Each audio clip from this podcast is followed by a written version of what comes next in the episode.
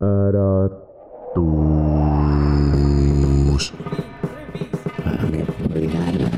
tohib püsti vaadata? kevad hetkel. või kuulab siia.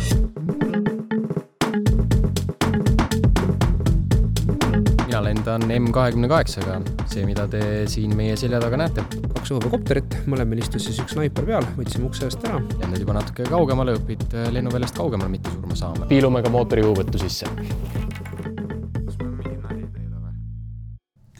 tervist kõikidele kuulajatele. Te kuulate Sõdurilehe podcasti ja täna me oleme maha istunud Ämarisse. oleme siin ühe M kahekümne kaheksal praktiliselt sõna otseses mõttes tiiva all ja räägime juttu kahe piloodiga, kes töötavad Eesti õhuväes ja just lendavadki nende lennukitega, mida te hetkel näete siin selja taga ma olen saatejuht kapral Grünberg ja saates on nooremseersant Jürgen Kiik ja kapten Lauri Malsroos, tervist! tervist. tere! küsimegi alguseks, et äh, mis lennuvahenditega te lendate, kas need ongi need, mis siin meie selja taga on? Äh, jah, mina lendan M kahekümne kaheksaga, see, mida te siin meie selja taga näete. seal äh, teie selja taga on veel üks lennuvahend L kolmkümmend üheksa, sellega ma ei lenda ja tegelikult juhtumisi Lauri ka vist ei lenda, nii et äh, see vastab tõele jah, et äh, mina lendan nüüd ka selle lennukiga M kakskümmend kaheksa, aga tegelikult palju pikema osa oma elust olen ma lennanud üldse helikopteriga ja õhuväe kontekstis siis Robinson neljakümne neljaga. Ehk siis praegu ma lendangi nii selle lennukiga kui siis ka vajadusel kopteriga aga kui tutvustaksite ennast kuulajale veel paari lausega, et kes te nagu olete selles maailmas, kui te ei lenda parajasti lennukiga? no mis ma oskan öelda, pereisa ja kohusetundlik kodanik. ka minul on juba järeltulevat põlve tulemas mõni ja eh, Jürgenist olen ma natuke vanem ja natuke pikema võib-olla lennukogemusega, aga kui nüüd lendamine kõrvale jätta, siis eraelus ma olen selline tubli ja aktiivne inimene ja rahvaspordiga tegelenud peaaegu terve oma elu. aga enne, kui me hakkame pikemat juttu ajama, igaks juhuks ütlen kõikidele kuulajatele, et vahepeal võib siin mingisuguseid lennuvahendeid õhku tõusta, siin võib käia kõlaritest emergency, emergency, just natuke aega tagasi käis, et see on osa sellest saatest, kui see tuleb. aga alguse, alustame siis algusest, et kust te üldse ajateenistuse läbisite ja kuidas te jõudsite õhuväkke? mina läbisin ajateenistuse staabi- ja sidepataljonis ja aasta oli siis kaks tuhat seitse. ja nagu siin eelnevalt sai mainitud, et ma olen spordiga rohkem kokku puutunud kui keskmine eestlane, siis ma läbisin selle spordirühmas. ja õhuväkke tulin ma tööle kohe peale kooli lõpetamist, ehk siis kaks tuhat kümme aasta sügisel, et mul läks selles mõttes üsna õnnelikult, et äh, täpselt siis suvel lõpetasin ja sügisel oli siis kopteripilootidele konkurss õhuväkke ja sain siia tööle. ja see oli siis Eesti Lennuakadeemias õppisite? Jah, Eesti Lennuakadeemias õppisime, et Eestis kõik lendurid tulevadki Lennuakadeemiast, et see on tegelikult ainukene siis koolitusorganisatsioon, kes piloote õpetab. ja mis on teie lugu?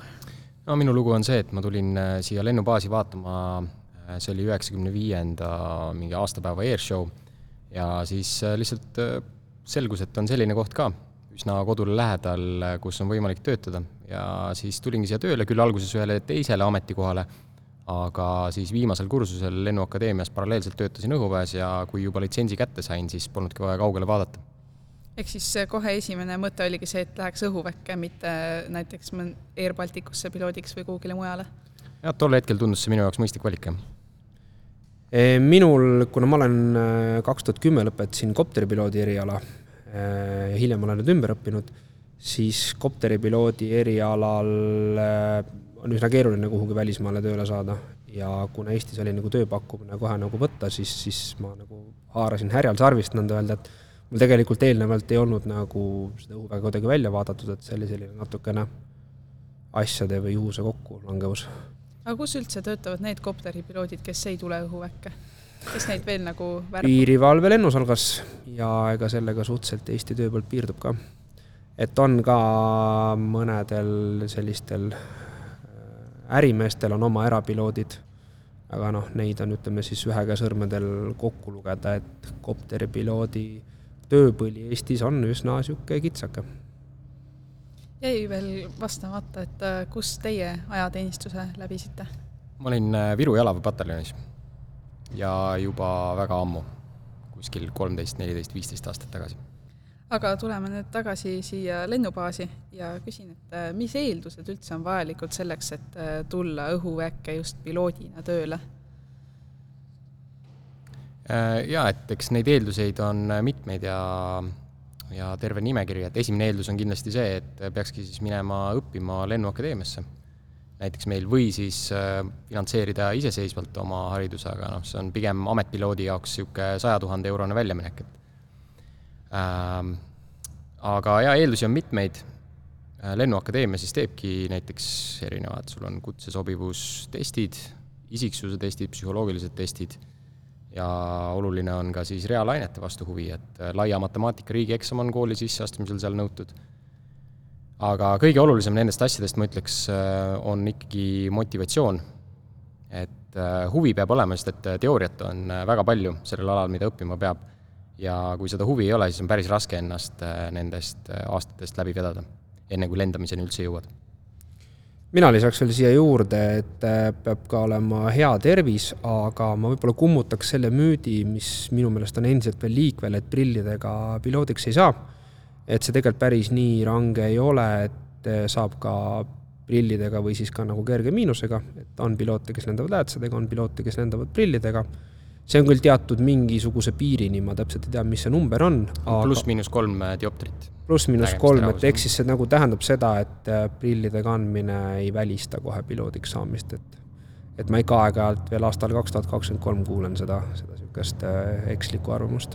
Jah, mul oli see endal üks sama põhjus, miks ma ei läinud äh, peale keskkooli põhimõtteliselt kohe piloodiks õppima, sest ma lihtsalt arvasin, et ei saa ja hiljem siis selgus, et äh, ei olegi need nõuded nii ranged ja siis tegin äh, sellise kannapöörde ja kas veel mingisuguseid selliseid äh, müüte või uskumusi on, et kui sul on mingi niimoodi või niimoodi, et siis praktiliselt lennuki juhtimine on välistatud?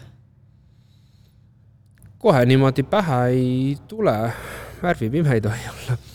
et seda ma tean küll, et on inimesi, kes on väga nagu tahtnud ja ja nad ei ole selles mõttes värvipimedad, et nad näevad, et see käru on oranž, lennuk on hall, see lennuk on võib-olla punane, aga kui neile värvipimeduse test ette anda, siis nad äh, sealt ei suuda neid numbreid tuvastada ja siis on kahjuks nende jaoks nagu siis teekond läbi.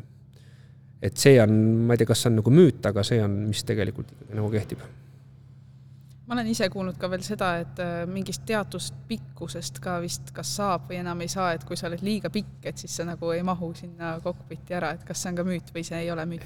see on müüt ja see ei ole müüt.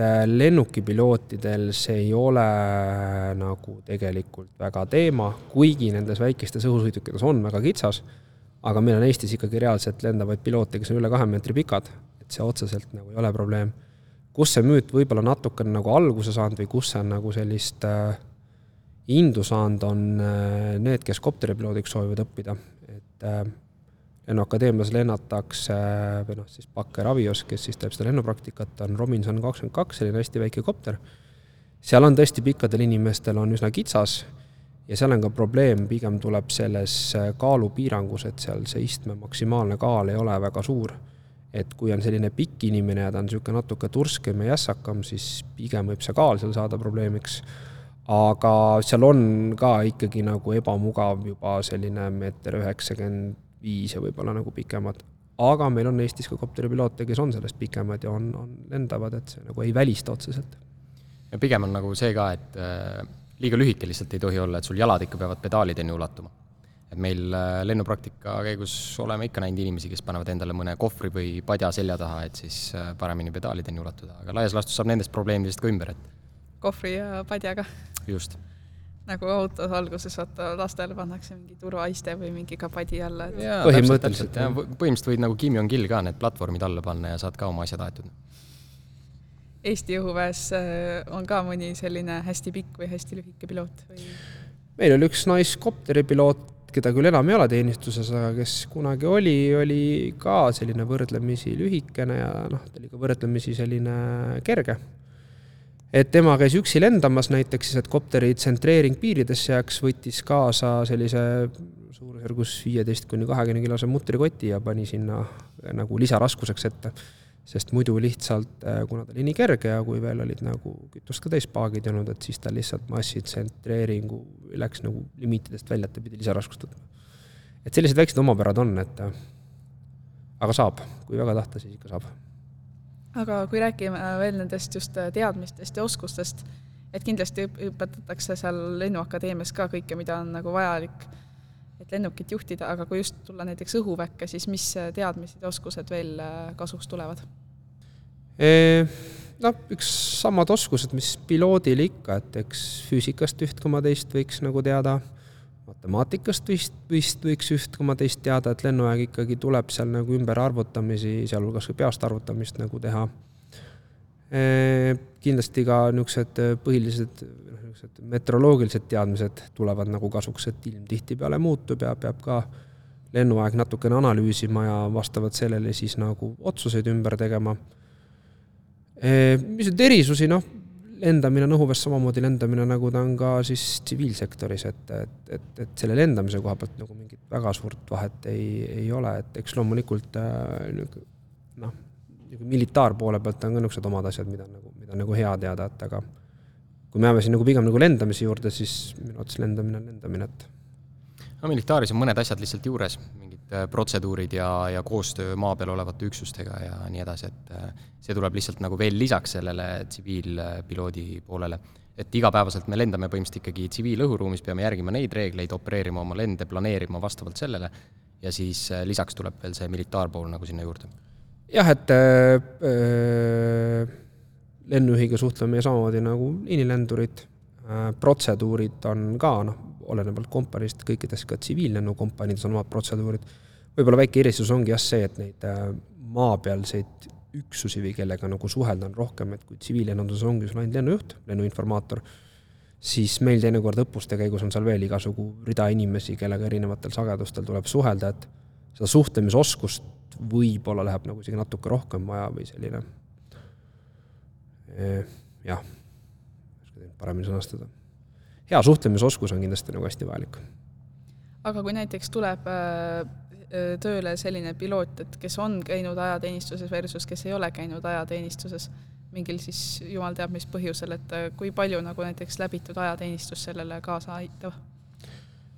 Ma ei ole praegu kindel, kas õhuväkke saab, ei loomulikult saab tüdrukud tulla, tüdrukud ikka tulevad jah. ei, lennunduse mõistes seal ei ole nagu väga suurt vahet, et äh, see, mida nagu ajateenistuses õpitakse, noh, ütleme niisugune maaväe taktika ja kõik see, et seda me nagu igapäevaselt lennunduses ei kasuta ja seda kuidagi sellega kokku ei puutu tegelikult, et et seda võib-olla mingitel õppustel on nagu nice to know või nagu hea teada, aga lendavalt poolelt otseselt midagi selle pärast küll nagu tegemata ei jää, et keegi ajateenistuses ei ole käinud, et see pigem nagu ei ole väga suur faktor. jah, et võib-olla ainuke asi on, et kui sul on kirjas, et äh, tänane ülesanne on mingisugune brigaadi toetuslend, siis sa saad nagu aru, mis üksusega on tegemist, et äh, mingit tausta see sulle nagu avab, aga lendamise seisukohalt ülesande täitmise mõttes eriti midagi ei muuda nagu jah, võib-olla sa lihtsalt ka tunned seda süsteemi ja tead, et kes on kes ja mis reeglid umbes kaitseväes on juba, et seda küll, jah et äh, võib-olla on natuke lihtsam äh, kohaneda. palju te üldse sellist klassikalist jalaväetaktikat äh, üldse teete, noh, enda nendel tööpäevadel või siis ma ei oskagi öelda nagu? igas päev, igapäevastel tööpäevadel, kui me siin Ämaris oleme, sisuliselt null, aga õppustel seda ikkagi nagu tuleb ette, et kuna eelnevalt mainitud, ma olen nagu kopteriga hästi palju lennanud ja erinevatel õppustel, nagu näiteks Kevadtorm ja me käime seal mingisugust äh, vaatluslendu tegemas, kedagi nagu otsimas, mingisugust õhutuletoetust imiteerimas, siis seal on nagu ikkagi kasulik ja hea teada, kuidas maa peal liigutakse, kus mis üksused on ja noh, natuke üldse, mis manöövreid nad nagu teevad. et seal on, tuli sellega ikkagi nagu kokku puutuda, aga see oli jah, pigem nagu siis õppuste formaadis, et ja, ja mis puutub sellesse, et kas me ise kuskil telkimas käime, ma ei tea, kas see oli nagu selle küsimuse sisu või mitte, siis äh, ma ütleks, et äh, ei käi. et selle kohta on põhimõtteliselt anekdoot, et et äh, piloodi telki roomab ämblik, piloot küsib selle peale, et miks mul hotellitoas telk on üldse. jah, ehk siis äh, teie tavaliselt sööstakattaga või kaeviku kaevamisega või laskmistega eriti kokku ei puutu? ei, me jalutame lennukini täitsa tavalises, tavalise rahuliku kõnnakuga üldiselt. jah, no laskmine on võib-olla erand, et me käime ikkagi iga aasta teeme ka laskeoskusteste, aga see on selline nagu lasketiirus, need niisugused standardtestid, et kaeviku kaevamise ja selle roomamise ja püherdamise ja selle me jätame maaväärstele. ei no me oleme selle kõik kunagi ära teinud lihtsalt, nii palju, kui on ajateenistuses ja siin võib-olla tüdrukud teevad siin SBK kursused teenistuse jooksul nüüd siin õhuväes, aga peale selle nagu ei puutu kokku, jah. aga millised üldse teie sellised tavalised tööpäevad välja näevad, mida te teete ja millise, ja kas te asute nagu kogu aeg Ämaris? E, meie tavaline tööpäev näeb välja nii, et meil tööpäev algab kell kaheksa viisteist, siis äh, esmaspäeviti meil on kell kümme on nädalabriifing, mis on selline nagu suurem kokkuvõttev briifing, kogu nädala sellised tegevused, sealhulgas lennuülesanded, õppused, mis iganes, ülemad jagavad sellist nagu olulisemat infot ja siis ülejäänud päevadel, teisipäevast reedeni meil on siis kell üheksa päevabriifing, mis on nagu sarnane, aga natuke võib-olla niisuguse väiksemas mahus, et siis võetakse kokku nagu, mis me siis nagu tööpäeval teeme, et seal põhimõtteliselt vaadatakse üle, mis ilm on, siis äh, lennuülesanded erinevad, mis on lennuvälja seisukord, veel igasugune muu oluline info. Ja siis on nagu inimestel nagu teada, et mis siis ütleme, see päev siin Ämaris nagu meie üksuses toob, et laias laastus, kes kuhu lendab, kes millega lendab. Ja peale seda siis briifingut siis vastavad lennumeeskonnad, kes siis mingi õhustiku lendama lähevad, siis tegu-, tegutsevad siis edasi, et teevad oma meeskonna briifingu, valmistuvad lennu ette, võib-olla on selle lennu juba eelmine päev ette valmistunud ja noh, asu, asuvad siis nagu tegutsema.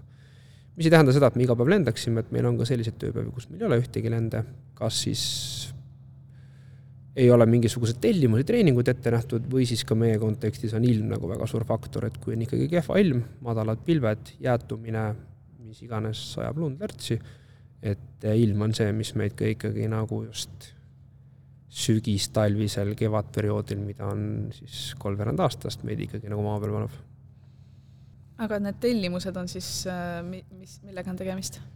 no tellimuslend tähendab seda, et siis keegi soovib, et me siis midagi kuskil teeksime või kedagi kuhugi veaksime, et lennuki kontekstis see tähendab seda, et kas on mõni transpordilend kuhugi välismaale, kas on mõni lend siin Eestis, mis saame ära teha, kas on mingi õppuste toetamine, noh, kopteri kontekstis me välismaal väga palju ei käinud seal see pigem oligi siis, et kas me läheme mõnda õppust toetama, kas me transpordime kedagi, et kopteriga ka me ikkagi viisime inimesi punktist A punkti B. või siis me teeme näiteks õhutulejuhtidega siin kohapeal mingite treeningutega, mis on ikkagi nendepoolne siis nagu soov, et me neid nagu siis toetaksime, aitaksime põhimõtteliselt. et äh, umbes midagi sellist, oskad sa, Jürgen, lisada? ei, ma arvan, et siin on kõik üsna öeldud, jah. vastas küsimusele? vastas küsimusele. aga kas te olete mõlemad lennanud nii kopteri kui ka lennukiga, noh, ütleme siis vahet pole, kas piloodi või kaasreisijana? ei, mina ei ole, ma olen selles mõttes igav, et äh, ainult ühe lennukiga õues lennanud, aga selle kohta nüüd Lauri oskab kindlasti lisada midagi. jah, minul on selline huvitav karjäär olnud, et äh, ma õppisin, nagu siin juba mainitud, Lennuakadeemias kopteripiloodiks, tulin õhuvõkka tööle aastal kaks tuhat kümme, äh, lendasin siis, mis tänaseks päevaks olen juba kaksteist pool aastat lennanud, aga siin kolm aastat tagasi tuli noh, lõplikult see otsus, tegelikult oli see juba varasemalt nagu pikemalt nagu ette teada, et need kopterite ressurss üks päev saab läbi ja neid tõenäoliselt nagu ei uuendata ja kuna ka e, uut platvormi ei ole nagu otstarbekas hetkel veel või noh, hetkel ei ole siis nagu visiooni, et uus kopteri platvorm tuleks, kuna see on üsna selline kulukas ja ei ole hetkel nagu prioriteetide nimekirjas siis kõige kõrgemal kohal, siis e, kaks tuhat see oli üheksateist, kakskümmend. Üheksateist tuli see otsus siis, et, et kopterid ikkagi lähevadki kinni ja pakuti siis kopteripilootidele võimalus siis ümberõppeks lennuki peale, kuna meil oli lennukipiloote vaja. ja siis mina siis koos veel mõne piloodiga haarasime sellest võimalusest ja põhimõtteliselt tegime siis teise ringilennu akadeemias läbi, et õppisime nagu siis ümber. mis sisuliselt tähendas seda, et me läbisime kogu teooria praktik-, kogu teooria ja ka väga suures ulatuses sama lennupraktika, mis siis need, kes esimest korda lendama õpivad. ja nüüd siis natuke üle poole aasta olen ma siis ka nüüd lennukilitsentsiga juba ja samal ajal ka siis veel kopteri litsentsiga. mina olen jah, siis nagu mõlema õhusõidukiga lendan järjepidevalt ja selliseid inimesi meil õhuväes on mõned ja ma ei tea ka, et üldse Eestis väga nagu palju neid oleks, et see on pigem selline haruldane nähtus, et inimene pigem on haruldane nähtus, jah. Aga kui sa võrdleksid lendamine kopteriga versus lennukiga, siis mis äh, sellised põhilised vahed on või kummaga sa ennast mõnusamalt tunned?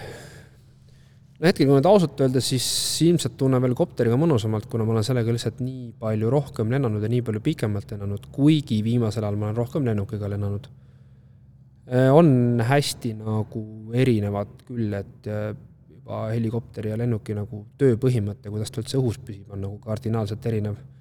Ja ka piloodi seisukohalt on, on nagu väga niisugused printsipiaalsed erinevused, kui nii võib öelda. aga saab mõlemaga lennata, et äh, asju piisavalt nagu rahulikult teha ja läbi mõelda, mis sa teed, siis ei ole nagu probleemi.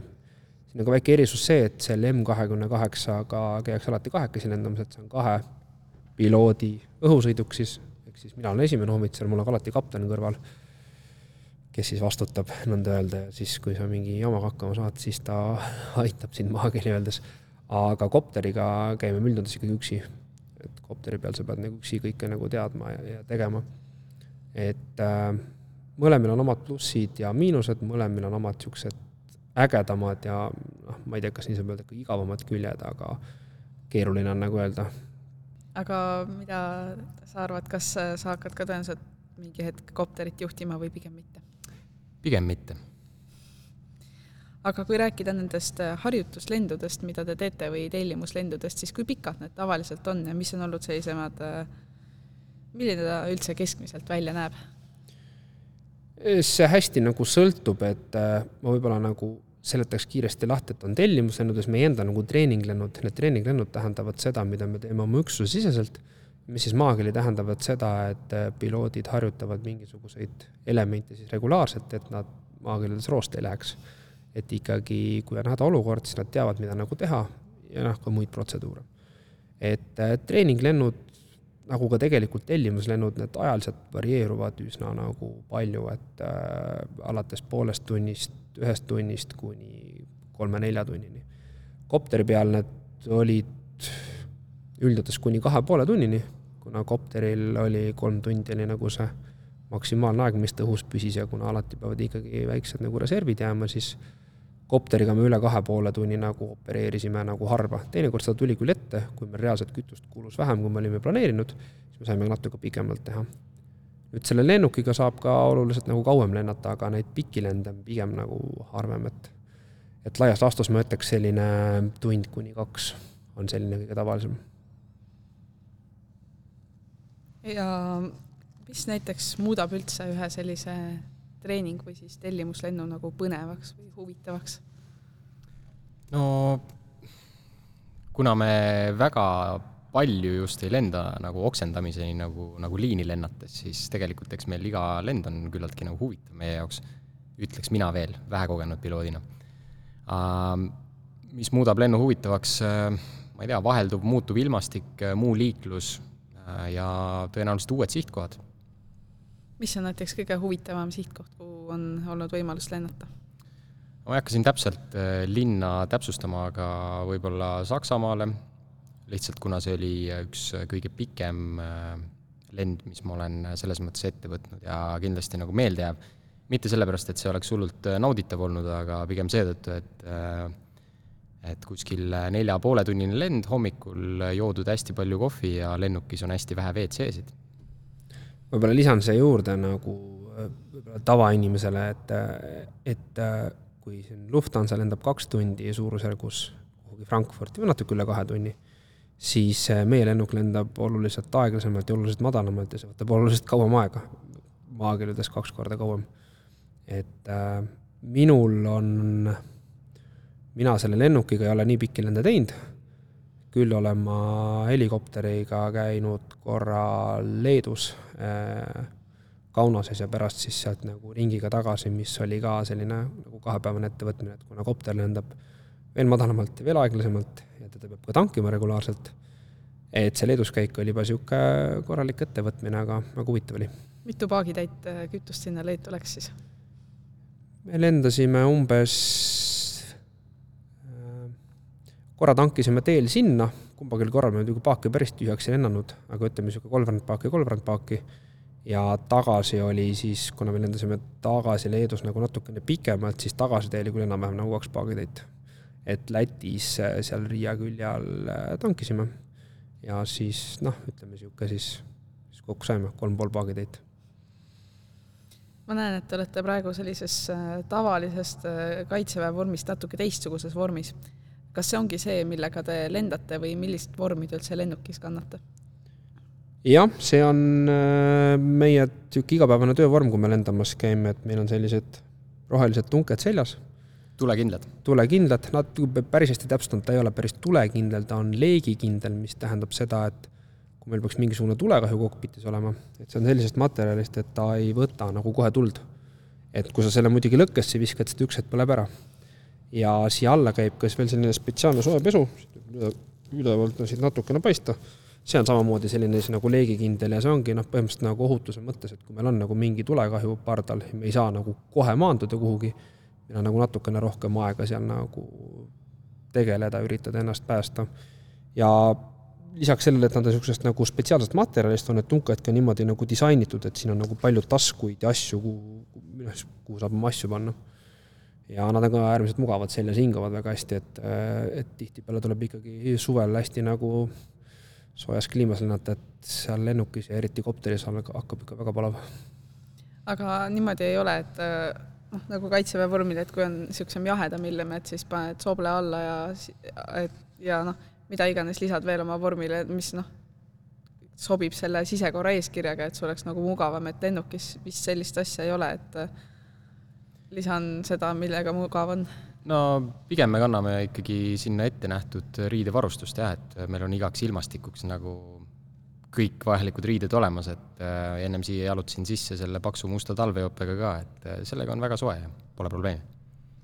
et üldjoontes jah, meil õhusõidukis nagu külm ei hakka, et äh, küll hakkab külm see hetk, kui sa veel pole teda käima pannud, aga lennukis ka, aga kindlasti kopteris läheb nagu hästi kiiresti soojaks, et see soojendus on hästi nagu niisugune efektiivne, et ka talvel miinus kahekümnega lendama minna, et harva ma pidin seda jopet sees hoidma. küll oli muidugi kopteriga meil vahel selliseid lende, kus me võtsime ukse eest ära, et meil oli vahel näiteks ripplasti vaja vedada, et siis oligi näiteks piloodi poolt veel uks sees ära, et siis pidi küll jope selga panema, eriti kui oli talvine periood, et noh, siis seal ei läinudki soojaks, et see üks uks on enam-vähem niisugune pool selle kopteri külgpinnast, et sealt soo-, sooja kadu oli päris märkimisväärne. kuuldavasti on neid jopesid sealt uksest välja ka lennanud või? Eh, seda ma ei kinnita ega lükka ümber asjaosalise käest täpselt küsima. sinu jope ei ole siis välja lennanud? minu jope ei ole välja lennanud, jah. aga ma usun, et suvel saab sealt mõnusalt jahutust, kui kabiinis on väga palavaks läinud? jah, me suvel ka lendasime ikkagi soojemal ajal niimoodi, et me võtsime lausa nagu mõlemad uksed eest ära, eest, et siis käis nagu õhk väga hästi läbi, et, et see on niisugune päris mõnus ja teistmoodi päris nagu äge, et mis varustust te veel lennukis kannate, et enne just seoses kõrvaklappidega mainisite, et imelik on, et mikrofoni ei ole juures? Jah, kõrvaklapp on selline vajalik asi, millega siis nagu saab raadiosidet pidada, nii kuulda kui rääkida. kopterite peal me tegelikult kasutasime kohe niisugust spetsiaalset kiivrit, kus oli siis kiiver, kuhu sisse olid siis integreeritud kõrvaklapid, kus olid siis selline äh, kaks visiiri ees, oli, said panna nagu tumedama visiiri, kui on päikseline ilm, ja oli ka läbipaistev visiir. ja neil oli ka selline funktsionaalsus, et kui peaks mingi linnuga kokkupõrge olema, näiteks sest kopteri klaas ees selline väga tugev ei ole, et see lint sealt tuleb sul tuppa nagu üsna kindlasti. et äh, sellise kokkupõrke puhul on sul nagu palju suurem võimalus nagu siis hädamaandumine sooritada lisaks sellisele kiivril veel oli veel üks selline oluline omadus, et me öösel lendasime, noh, lendame, lendasime öövaatlusseadmetega ja need öövaatlusseadmed ka siis sai kiivri külge kinnitada, et kõrvaklappide külge teda nagu kinnitada ei saaks. et selles mõttes oli see kiiver niisugune multifunktsionaalne asi ja lisaks veel, kui oleks olnud kunagi nagu mingi tõsisem selline hädamaandumine või tõsisem õnnetus, siis noh, see kiiver ilmselgelt ka kaitseb su pead, mis on su kõige nagu nõrgem kehaosa võib-olla või? Jürgen teab lennuki pealt paremini rääkida. ei, mis meil see varustuses, äh, hunnik dokumente peab kaasas olema ja, ja iPadi kasutame siin selleks, et äh, navigeerimisele kaasa aidata. ja siis praegu mul juhtus lihtsalt siin vormi küljes ripub alati ka niisugune turvavöölõikur et siis vajadusel saad ennast äh, välja lõigata. jah, kellel, kellel on turvaväelõikur, minul on selline nuga lausa. Ja ma võin kinnitada, et see nuga on väga terav, et ma olen kunagi omal peaaegu näppu sellega otsast ära lõiganud ja turvaväelõikur on niisamamoodi. aga varustusest veel, et meil on ka päästevestid kindlasti kaasas, kui me üle vee lendame. et äh, ja kui me lendasime helikopteriga, millel on üks mootor, siis seal ilmselgelt, kui see üks mootor saba annab või katki läheb, siis hädamaandumine tuleb sinnasamma kuhugi vette ja kui oligi ikkagi nagu jahedam veetemperatuur, mis siis on enamus aastast Eestis, siis meil oli ka kuiv ülikond seljas. Mis siis annab meile, annaks meile võimaluse, et kui me miskipärast sinna vette peame nagu jõudma, et me püsime seal elus nii kaua, kuni pääste tuleb. et niisugune äh, tavaline kümnekraadine vesi ilma selle kuivülikonnata seal noh, viisteist minutit heal juhul võib-olla on sul nagu ellujäämisvõimalust, et selle ajaga sulle keegi sinna järgi ei jõua, et äh, kui ülikonnaga see suureneb kohe tunni, võib-olla pooleteist tunnini, et siis on juba nagu lootust pääseda, et et lennuki peal on see natukene parem, et tal on kaks mootorit, et üks katki läheb, siis ei juhtu veel midagi. jah, kuigi kui me väga madalal merekohal lendame, siis äh, meil samamoodi on ikka hea mõte see kuivõlikond selga panna, jah. Õnneks ei ole vist teil kordagi veel seda vaja läinud? Õnneks ei ole läinud, aga ja. alati tuleb valmis olla selleks aga kui mina alguses olin SBK pluss autojuhi kursus, olin ka Ämaris siin, teenisin, siis meil pidevalt ülemad rääkisid sellist juttu, et äh, kui te vis-, kui te jätate prügi maha vedelema, siis see satub lennuki mootorisse ja siis lennuk kukub alla, et noh, loomulikult pole mõistlik prügi maha vedelema jätta, aga kas selles jutus on ka nagu muud tõetera sees? no sõltub prügist jah, et äh, kommipaber vast mitte, aga, aga mingid suuremad äh, esemed Äh, jah, lennuk tõmbab need äh, mootorisse oma õhuvõttu turbiinilabade vahele ja siis võib päris palju kahju ikkagi teha, jah. Jah, üldjoontes nagu see on selline startival maanduval lennukil, et tõenäoliselt võib-olla päris lennuõnnetus ei juhtu, aga miljonitesse küündivaid kahjusid küll, et lennuki mootorid on väga kallid ja üks paljas kilekott võib juba seal nagu väga palju, väga palju pahandust teha ja ja kopteri kontekstis samamoodi, et, et kui see kilekott kuhugi näiteks sabarootorisse lendab, siis võib ka täiesti fataalne lennuõnnetus juhtuda ka kas või paari meetri kõrguselt. Et selles mõttes kõik lahtine prügi on tegelikult väga ohtlik lennuväljale, selles mõttes see müüt peab tõesti paika, et et igal juhul tuleksid kõik lahtised esemed ja lahtine prügi ära korjata. Ma käisin siin eelmine nädal ka ja siin oli ühes kohas isegi silt, et äh, ainsad mütsid, et nagu millega te ringi käia võite, on need, millel on mingi soonik siin all, et teil on ka umbes sarnane põhimõtteliselt küll jah, seal, äh, kus on nagu nii-öelda flight line või kus on siis nagu lennuala. lennuala, just, et äh, villase mütsiga on see pluss, et see ei võta tuult alla ja ta on üsna hästi, sul püsib pea küljes, me räägime klassikalisest nagu nokamütsist, siis kui see nokamüts väga sul tihedalt peas ei istu ja see nokk sinna tuule alla võtab, siis ta sealt minema lendab ka. et äh, suuremad õhusõidukid neid äh, õhukeeriseid ja siis seda õhu liikumist tekitavad ikka väga tugevaid.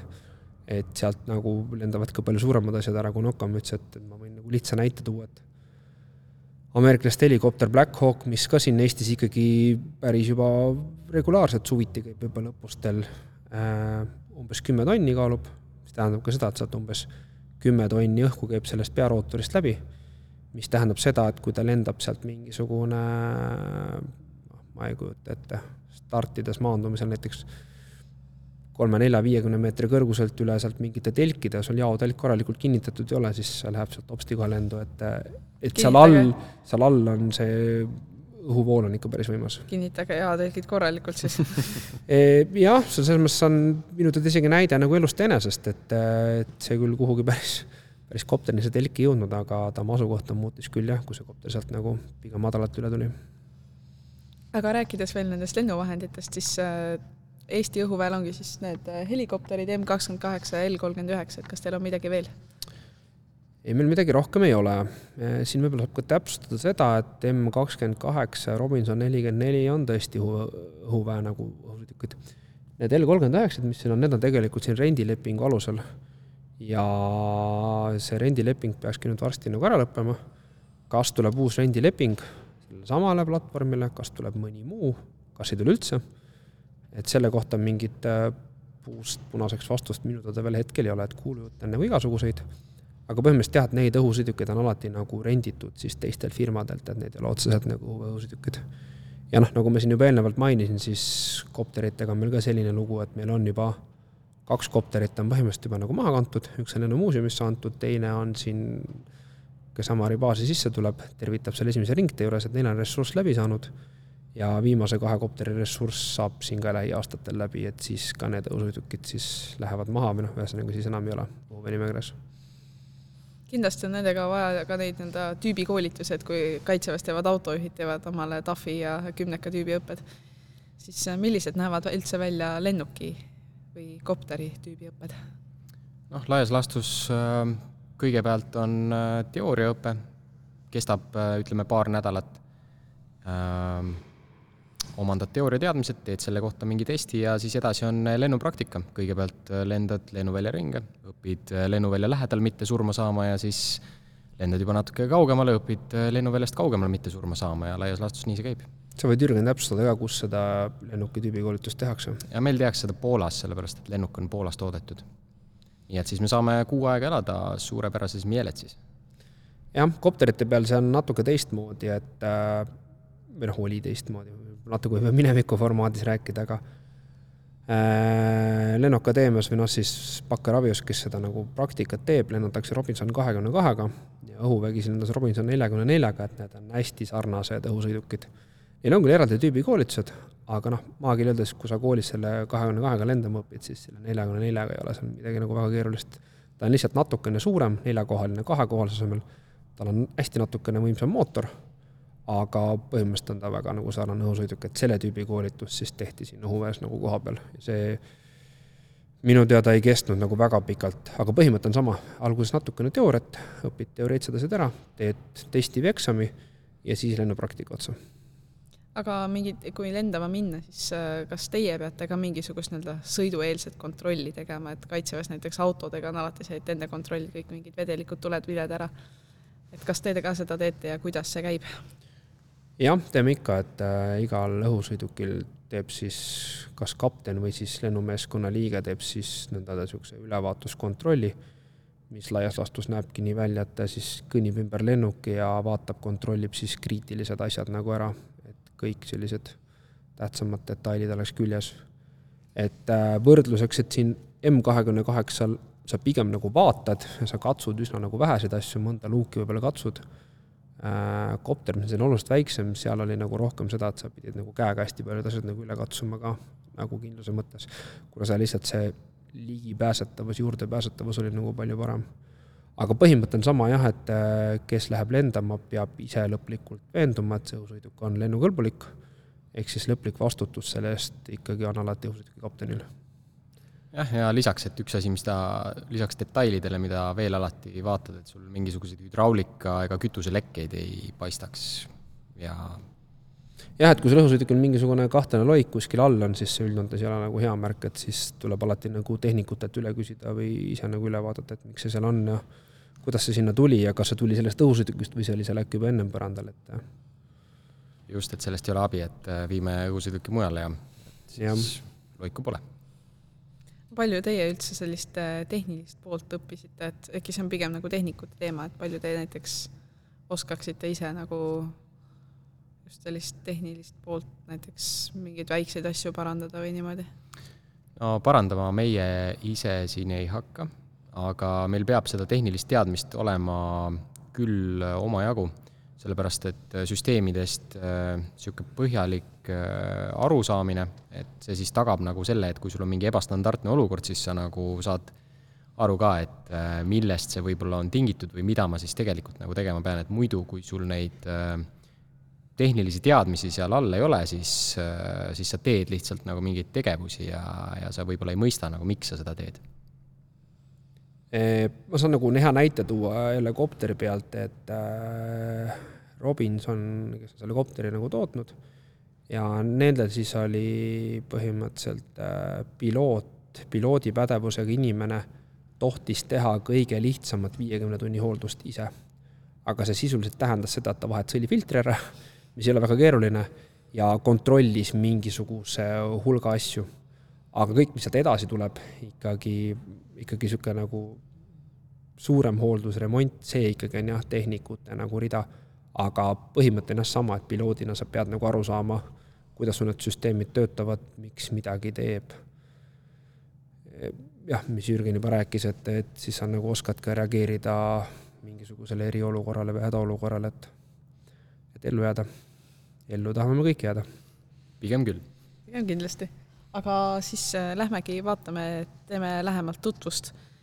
nii, tervist, äh, jah, meil on siis siin M kakskümmend kaheksa. Äh, kohe alustame selle lennuki lennueelset ülevaatust. võib-olla ennem siis paar tehnilist spekki selle lennuki kohta, et laias laastus tal on kaks turbopropellermootorit, kokku tuhat ükssada hobujõudu, korda kaks. lennuki kiirus, tüüpiliselt me lendame sellega kuskil sada nelikümmend kuni sada kuuskümmend sõlme. ehk siis see teeb kuskil kakssada kuuskümmend kuni kolmsada kilomeetrit tunnis on meil see kruiisikiirus. lennukõrgus, kus me tüüpiliselt lendame, on kuskil kümme tuhat jalga ehk siis kolm kilomeetrit lennu kaugus, ütleme soodsate tuuleolude korral kuskil tuhat kolmsada kilomeetrit. pigem tasuks lennukite puhul rääkida siis endurance'ist või siis kestusest, et kaua lennuk õhus püsib. aga kuskil maksimaalselt viietunnise lennu me saame planeerida väga, väga ökonoomitades. nii ja lennueelne ülevaatus siis selle lennuki puhul hakkab äh, siitpoolt kõigepealt vaatad, et klaas on puhas terve, kojamees on küljes, siis on meil siin sellised kaubaluugid, et need oleks kenasti kinni. siis meil on siin pidootoru. selle abil me saame infot õhusõiduki kiiruse kohta, vaatame, et siin ava on vaba. siin on erinevad ventilatsiooniluugid, igasugused katted, et oleks korralikult kinni.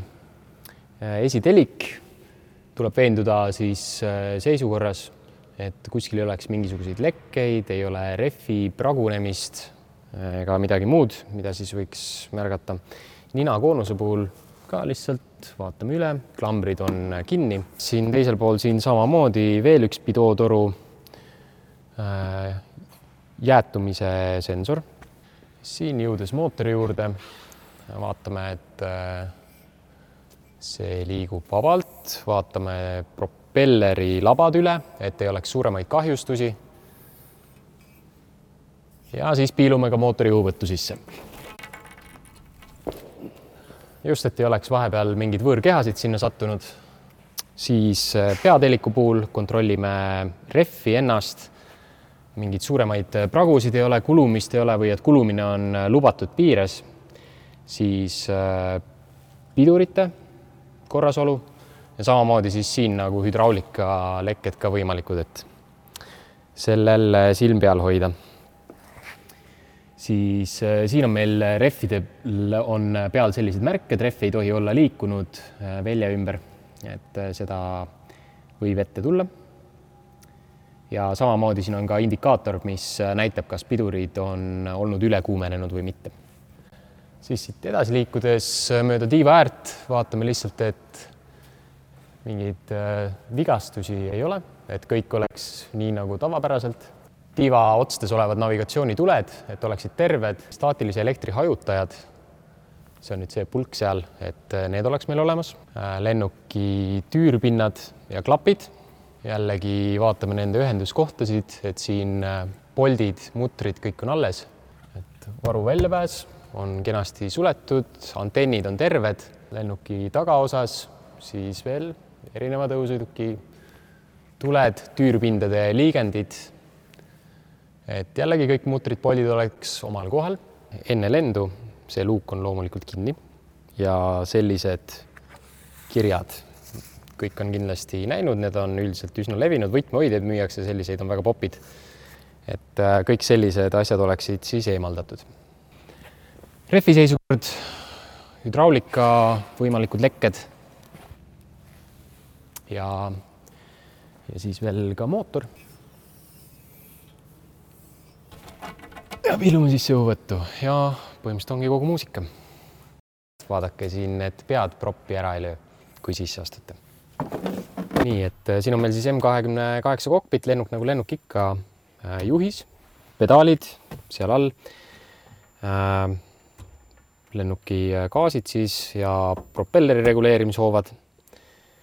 siis meil on siin erinevad näidikud, meil on GPS-id, meil on ilmaradar, mis on küll praegu välja lülitatud, siis indikaator, mis näitab meile meie kiirust, üks indikaator kõrguse jaoks. minu pool üks, tegelikkuses on neid siin lennuks rohkem, on ju. et mõlemal meeskonnaliikmel peab siis vähemalt üks olema mootori äh, vääne, temperatuur, äh, õlirõhk ja siis äh, kütusekulu.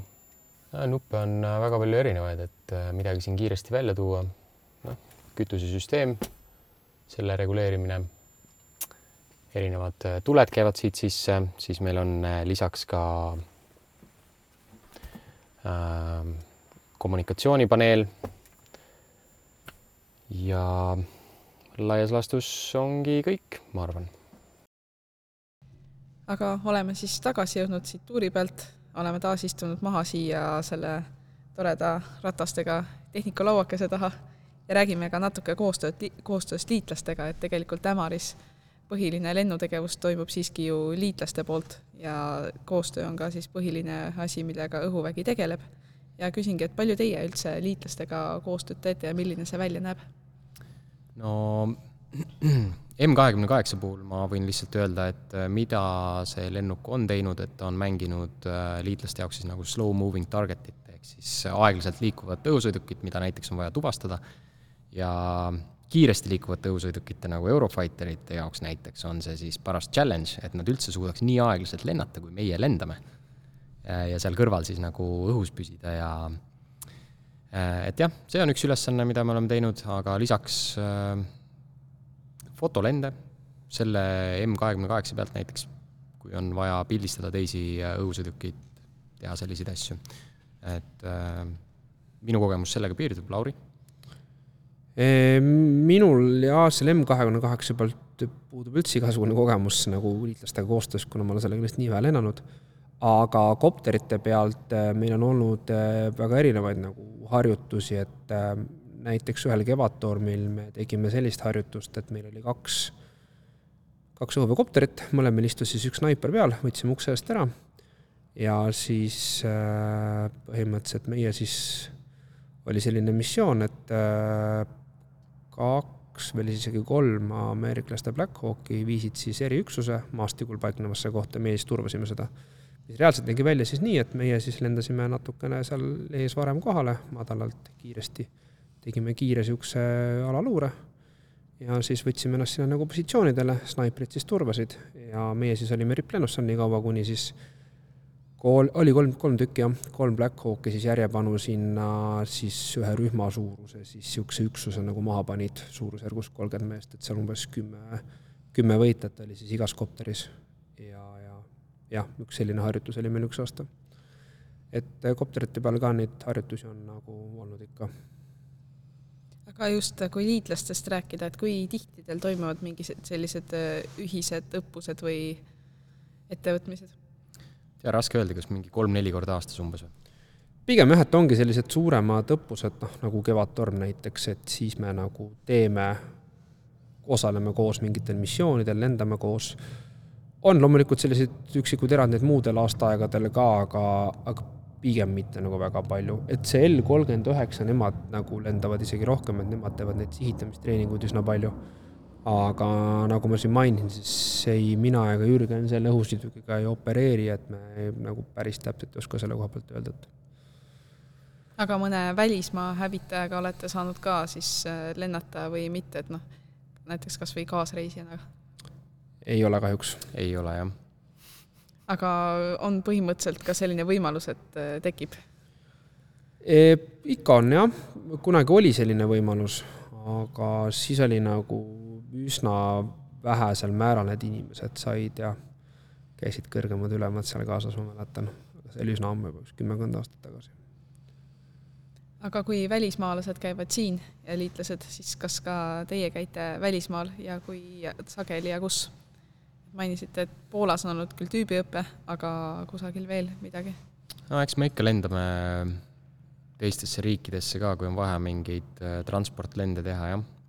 aga väga detailseks ei hakkaks siin äh,, äh, siin minema ja ta pigem on jah selline ikkagi, et ennatakse nagu transportlend või kedagi kuhugi viiakse, aga et kuskil mingitel õppustel koos osalemine, koos opereerimist meie välismaal, seda nagu pigem ei ole, et et kopteriga me käisime iga aasta Adažis õppustel, aga seal ka pigem nagu me ikkagi lennutegevuse kontekstis nagu ei teinud liitlastega selles mõttes koostööd, et me lihtsalt olime seal õppuse raames, tegime seal oma lende, mis me tegime, aga meil ikkagi jah, see tegevus piirdus meie enda nagu õhusõidukitega vanasti oli, ma saan aru, kui meil Anvel lendas, siis äh, An2, kes teab, see teab, metsavaht, et äh, ma saan aru, et see oli airshowdel kõva hitt olnud, et äh, sellega olla käidud ka kaugemates kohtades.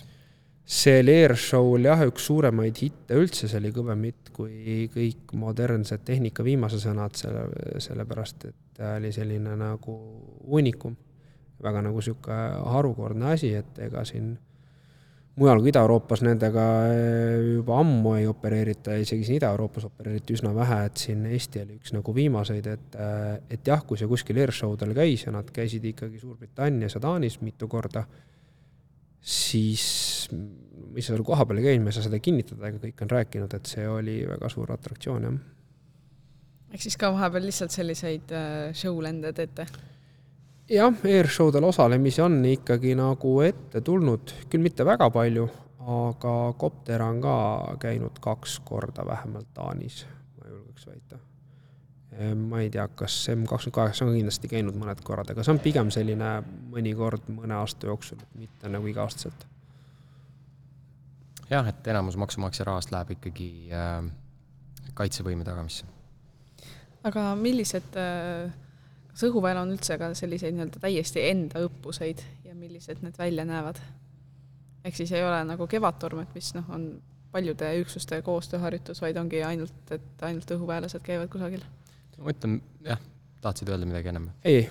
ei, et meie jaoks enamasti õppustel nagu väga midagi ei muutu, et selles mõttes, kui me saame lennuülesande, siis me täpselt samamoodi nagu igapäevaselt planeerime oma lennu, teostame selle, et äh, õppuste ajal võib-olla jah, seda tausta on rohkem, õhusõidukid on võib-olla natuke rohkem õhus, aga meil on siin jah, Ämaris olnud üks selline baasisisene õppus, ma ei tea, kas ta nüüd see aasta oli, aga varasematel aastatel kord aastas, kus me siis nagu Ämari baasisiseselt erinevate siis üksustega harjutame nagu läbi, mis hõlmab siis nii erinevat maapealset teenindust kui ka siis erinevaid õhusõidukeid.